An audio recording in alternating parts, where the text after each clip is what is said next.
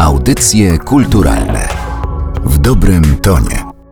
To są audycje kulturalne, podcast Narodowego Centrum Kultury przy mikrofonie Aleksandra Galant. Kobieta, o której będziemy dzisiaj rozmawiać, wybitna artystka, i tu wychodzi na to, że nie tylko swoich czasów, jak zwykło się o niej mówić, była nazywana szarą malarką, malarką ciszy, ale także malarką ludzkich dusz. Jak przed chwilą usłyszałam, nieco niesprawiedliwie bywa też nazywana kobietą jednego obrazu. O kim mowa? Mowa o Oldze Boznańskiej, młodopolskiej artystce, bo to właśnie jej prace składają się na najnowszą wystawę w Muzeum Gdańska. To jest wystawa pod prostym tytułem Olga Boznańska. Prace, które można tam oglądać, pochodzą ze zbiorów Muzeum Narodowego w Krakowie. I to właśnie z Muzeum Narodowym w Krakowie związana jest Urszula Kozakowska, kuratorka tejże wystawy, która przyjęła zaproszenie i jest dzisiaj waszym i moim gościem. Bardzo jest mi miło gościć panią w audycjach kulturalnych. Dzień dobry, dziękuję za zaproszenie. Jest mi również miło. Zanim zaczniemy rozmawiać o tym, co możemy oglądać w Gdańsku, jakie to są konkretnie prace, chciałabym zapytać panią o te określenia, których użyłam na początku.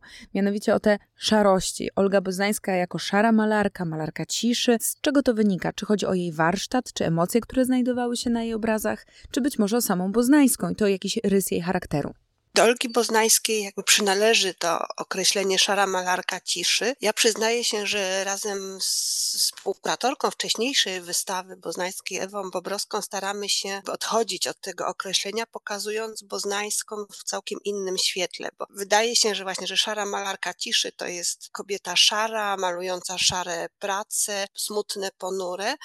Natomiast Boznańska taką nie była. Oczywiście nastrojowość i obrazów jest podstawową jej wartością. Natomiast była to kobieta, artystka, która walczyła o realizację swoich marzeń. Tam daleko było właśnie od ciszy, szarości, tam była bardzo przemyślana strategia, a przede wszystkim realizacja właśnie marzeń, żeby w trudnych dla kobiet czasach, kiedy no de facto ani się nie mogła w Krakowie wykształcić na odpowiadającym jej poziomie, ani samodzielnie działać jako artystka, ona postawiła na swoim i, i ten Kraków jako bardzo młoda dziewczyna opuściła, wyjechała do Monachium, potem do Paryża, podejmując od odważne, śmiałe decyzje, a które zaowocowały tym, że jej marzenia zostały zrealizowane.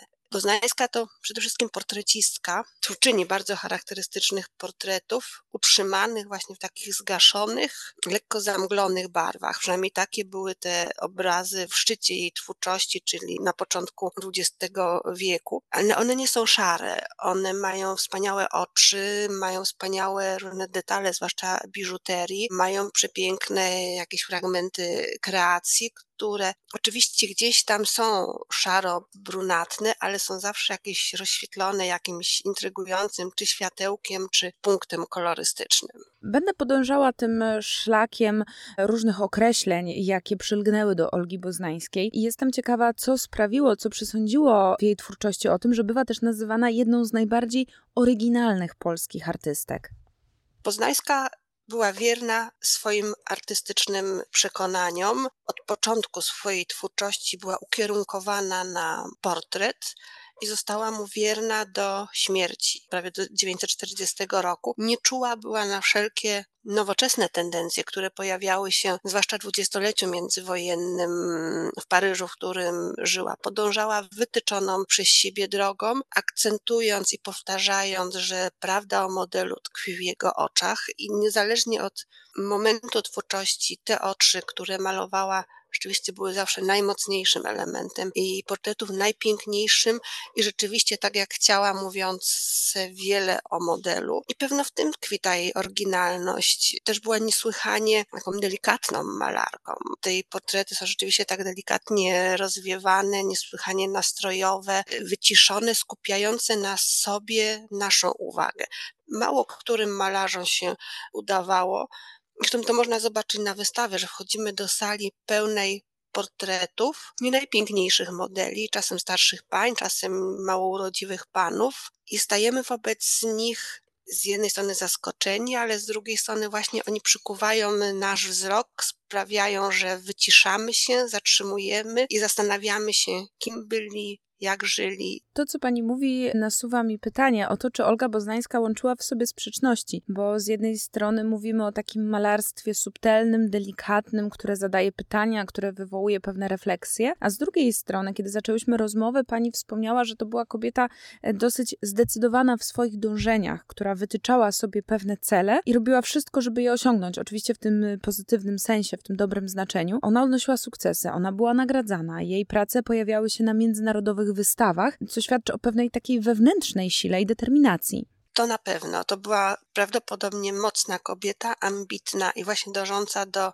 realizacji swoich marzeń. Natomiast ta sztuka, która sprawiała jej największą satysfakcję, była właśnie sztuką wyciszoną, prawdopodobnie też pokazującą jakąś prawdę o artystce, bo na przykład wiemy, że oczywiście jako młoda dziewczyna żyła tak jak młoda dziewczyna, ale rzeczywiście potem, jak realizowała się jako artystka, jej przestrzenią do życia, do twórczości była pracownia. Ona nie lubiła jej opuszczać. Pracownia była czymś w rodzaju wręcz świątyni. Tam zapewne mogła się wyciszyć, tam mogła skupić się na malowaniu i te portrety wszystkie sprawiają właśnie wrażenie takich bardzo skupionych, wyciszonych kompozycji, a równocześnie dbając o to, żeby utrzymać się, no bo to jednak były takie życiowe decyzje, jakby musiała wychodzić na zewnątrz, musiała pokazywać swoje prace na zewnątrz, malowała na zamówienie, żeby po prostu zarabiać. I były z jednej strony ta dusza artystyczna, realizacja marzeń artystycznych, z drugiej strony zapewne życie.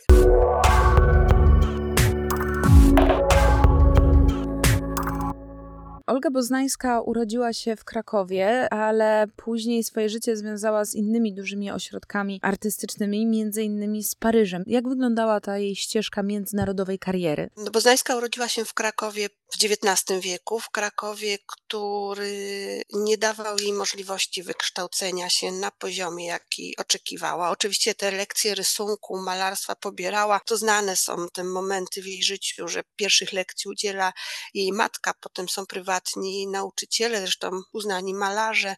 Potem jest jedyna szkoła de facto dla, dla dziewcząt z Krakowa, które mają jakieś ambicje, a więc są wyższe kursy dla kobiet imienia Adriana Baranickiego i na tym możliwości dziewczyn kończą się. Potem zapewne muszą wyjść za mąż, mieć dzieci i ta fanaberia, jaką jest wykształcenie, przestaje być ważna.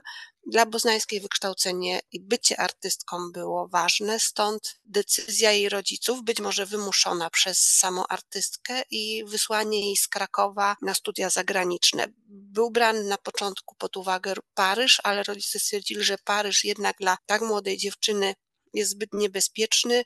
Dostała zgodę od rodziców na wyjazd do Monachium, a więc też do ważnego centrum artystycznego i edukacyjnego w ówczesnej Europie. Tam była mocna kolonia polskich artystów, więc to mogło jakiś komfort psychiczny rodzicom dawać, że ona tam nie będzie sama. Tam też nie może się kształcić oficjalnie w akademii, ale no może znów pobierać lekcje u ważnych, uznanych profesorów, może zwiedzać wspaniałe galerie monachijskie i, i chłonąć tą najwyższą i najważniejszą sztukę. I w Monachium ten talent boznański jakby zyskuje i szlify, a, a przede wszystkim te obrazy, które maluje, zyskują powodzenie, zyskują nagrody i to też daje siłę boznańskiej w dalszej realizacji marzeń. Z tego okresu monachijskiego no, pochodzi to właśnie to najważniejsze jej dzieło, czyli dziewczynka z chryzantemami. W okresie monachijskim też sprzedaje swój pierwszy obraz, który kupuje zresztą Muzeum Narodowe w Krakowie, co też daje jakieś potwierdzenie, że tej obrazy właśnie, że może je sprzedawać, może się z tego utrzymywać. W momencie, kiedy też osiąga już prawie wszystko w Monachium, decyduje się na realizację tego największego marzenia, czyli na wyjazd do Paryża. Jej matka była francuską, więc tu nie było żadnych problemów językowych. Miała też rodzinę w Paryżu, więc jakieś tam wsparcie i oparcie w Paryżu posiadała i w tym Paryżu odnajduje się i w Paryżu zostaje do śmierci. Wystawia ma swoje indywidualne wystawy, wystawia corocznie na salonach paryskich, ale równocześnie dba o to, żeby corocznie wysyłać prace do Krakowa i prezentować je w Krakowie. Z czasem też zyskuje klientelę w Stanach Zjednoczonych, dzięki temu, że znowu wysyłała i prezentowała swoje prace na wystawach w Stanach Zjednoczonych i też co ważne w tym kontekście kobiecym, też dosyć regularnie pokazywała pracę na wystawach e, sztuki kobiet, jakby zaznaczając ważność i moc kobiet artystek. W Paryżu ma swoją klientelę, i to nie tylko wśród przybywającej do Paryża Polonii, ale właśnie wśród Amerykanów, wśród krytyków sztuki, literatów. Natomiast corocznie podczas wakacyjnych pobytów w Krakowie, tutaj w zachowanej i podobno ukochanej pracowni przy dzisiejszej ulicy Piłsudskiego, również przyjmuje klientów, malując ich portrety jest po prostu coraz bardziej popularna i tu chyba należało wówczas mieć portret boznański. Rozmawiałyśmy o tym, że ona dbała o to, żeby jej prace się pojawiały. Jej sztuka była prezentowana w towarzystwie prac innych kobiet, no ale to już w Paryżu jej obrazy były zestawiane, czy pojawiły się na tych samych ekspozycjach, co prace Moneta i Renoira. To jest już towarzystwo, można powiedzieć, z najwyższej półki. Przede wszystkim to, że wystawiała na salonach paryskich, to rzeczywiście gwarantowało jej uczestnictwo w wystawach tych najważniejszych artystów y, ówczesnej Europy Europy. Też nie bez znaczenia dla jej twórczości były prace Whistlera. Też stał się dla niej jakimś ważnym punktem odniesienia i inspiracji. My to teraz widzimy, ona nie do końca się do tego przyznawała, ale prawdopodobnie było to dla niej ważne nazwisko. Znajdowała się też w kolekcjach, w których właśnie znajdowali się francuscy impresjoniści, ale też przy okazji trafiała tam boznańska. Taka kolekcja to jest taka troszeczkę ciekawostka pokazująca międzynarodową skalę obecności boznańskiej w kolekcjach powstała w Japonii. Jeden z przemysłowców japońskich przed wojną przyjechał do Paryża właśnie budować kolekcję francuskich impresjonistów, a przy okazji zakupił dwie prace boznańskie. One cały czas w Japonii w ramach tej kolekcji są i są prezentowane. Wrócę trochę do tego wątku różnych przydomków e, Olgi Boznańskiej. Ja na początku rozmowy zaznaczyłam, że jeden z nich wydaje się tyleż niesprawiedliwy, co niestety powszechny, mianowicie to, że ona bywa nazywana artystką czy autorką jednego obrazu, jednego portretu i tutaj przy tym chciałabym się zatrzymać. Najważniejszą pracą i najbardziej rozpoznawalną pracą Boznańskiej jest Dziewczynka z chryzantemami. Takie dzieło ikona jej malarstwa, też taki znak rozpoznawczy krakowskiej Galerii Sztuki Polskiej XX i XXI wieku. Także ona tu jest. Też nie wyruszyła w podróż do Gdańska, ale też z całą premedytacją, żeby właśnie też troszeczkę odczarować Poznańską, pokazując równie ciekawe inne jej portrety, zwłaszcza portrety właśnie młodych kobiet, które są prezentowane e, w Gdańsku, równie intrygujące jak dziewczynka z chryzantemami, pokazujące jakby międzynarodowe inspiracje boznańskiej, bo tam jest trochę japonizmu, trochę właśnie Whistlera. Każde z tych portretów dziewczęcych, to są choćby obraz ze spaceru, czy taki niewielki, chyba po raz pierwszy prezentowany portrecik Zosi Sokołowskiej, praca o niesamowitych oczach, niesłychanym, takim silnym wyrazie oczu, twarzy, tego, co Boznańska lubiła, równocześnie bardzo ciekawe i odważne kolorystycznie, bo, bo jeżeli jeden jest taką symfonią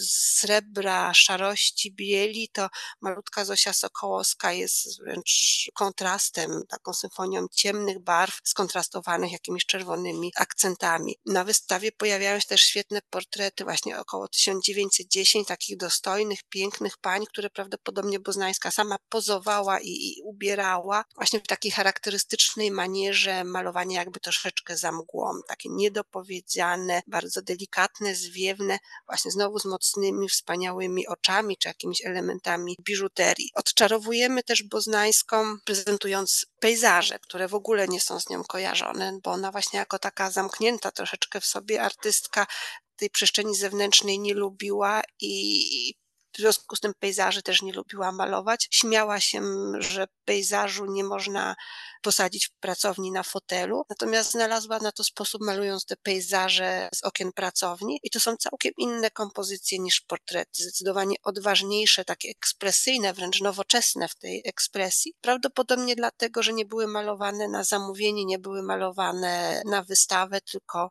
dla siebie i wtedy malując dla siebie mogła być prawdopodobnie odważniejsza. No i też co dominuje w twórczości boznańskiej to martwe natury. Martwe natury malowane zazwyczaj jako prezenty, powtarzające głównie motyw kwiatów, który artystka uwielbiała i ponoć zawsze miała jakiś bukiecik w pracowni. Też odważniejsze niż portrety, właśnie takie szkicowe, bardziej ekspresyjne, tylko oczywiście już powtarzane w takiej ilości sztuk, że tracące tą swoją jakąś wyjątkowość. Natomiast wracając do dziewczynki, no jest to rzeczywiście arcydzieło i nastroju, i Nie wiemy, kim była modelka. Poznańska powtórzyła portret tej samej dziewczynki w kilku odsłonach, ale wcale to nie ułatwia badań nad y, rozszyfrowaniem jej tożsamości. To w tym okresie, kiedy powstała dziewczynka z chryzantemami, Poznańska bardzo często sięgała do portretów dzieci, prawdopodobnie dlatego, że jej koleżanki wówczas miały potomstwo i jakby w sposób naturalny zamawiały u koleżanki artystki ich wizerunki. I mimo, że sama nie miała dzieci, bardzo dobrze potrafiła odczuć nastrój, zachowanie tych głównie dziewczynek, chociaż nie chłopcy też się pojawiają. Anegdota głosi, że te smutne oczy, które dominują na prawie każdym portrecie dziecięcym i na większości portretów dorosłych są efektem pewnego znużenia długością procesu portretowania, że to z jednej strony oczywiście był zamysł artystyczny, a z drugiej strony właśnie po prostu zmęczenie materiału. Pozwolę sobie powiedzieć, że Olga Boznańska wydaje się też artystką tajemniczą przez sposób, w jaki malowała, ale też przez anegdoty, jakie narosły wokół jej prac, no i chociażby przez tę tożsamość modeli, która mimo różnych wskazówek pozostaje często nieodgadniona. A żeby dowiedzieć się więcej o Oldze Boznańskiej, warto wybrać się do Muzeum Gdańska, w którym można oglądać wystawę Olga Boznańska. To są prace około 50 dzieł boznańskiej pochodzących ze zbiorów Muzeum Narodowego w Krakowie. Jednak oczywiście ta kolekcja, którą w Trójmieście można oglądać, to nie jest pełna krakowska kolekcja, bo tak jak mówiła e, moja dzisiejsza rozmówczyni Urszula Kozakowska, żeby zobaczyć dziewczynkę z chryzantemami, to najsłynniejsze dzieło boznańskiej, należy wybrać się do Krakowa. Waszym i moim gościem była dzisiaj Urszula Kozakowska, kuratorka tejże wystawy związana z Muzeum Narodowym w Krakowie właśnie. Bardzo dziękuję za to spotkanie i za rozmowę. Dziękuję i zapraszam do Gdańska. Audycje kulturalne w dobrym tonie.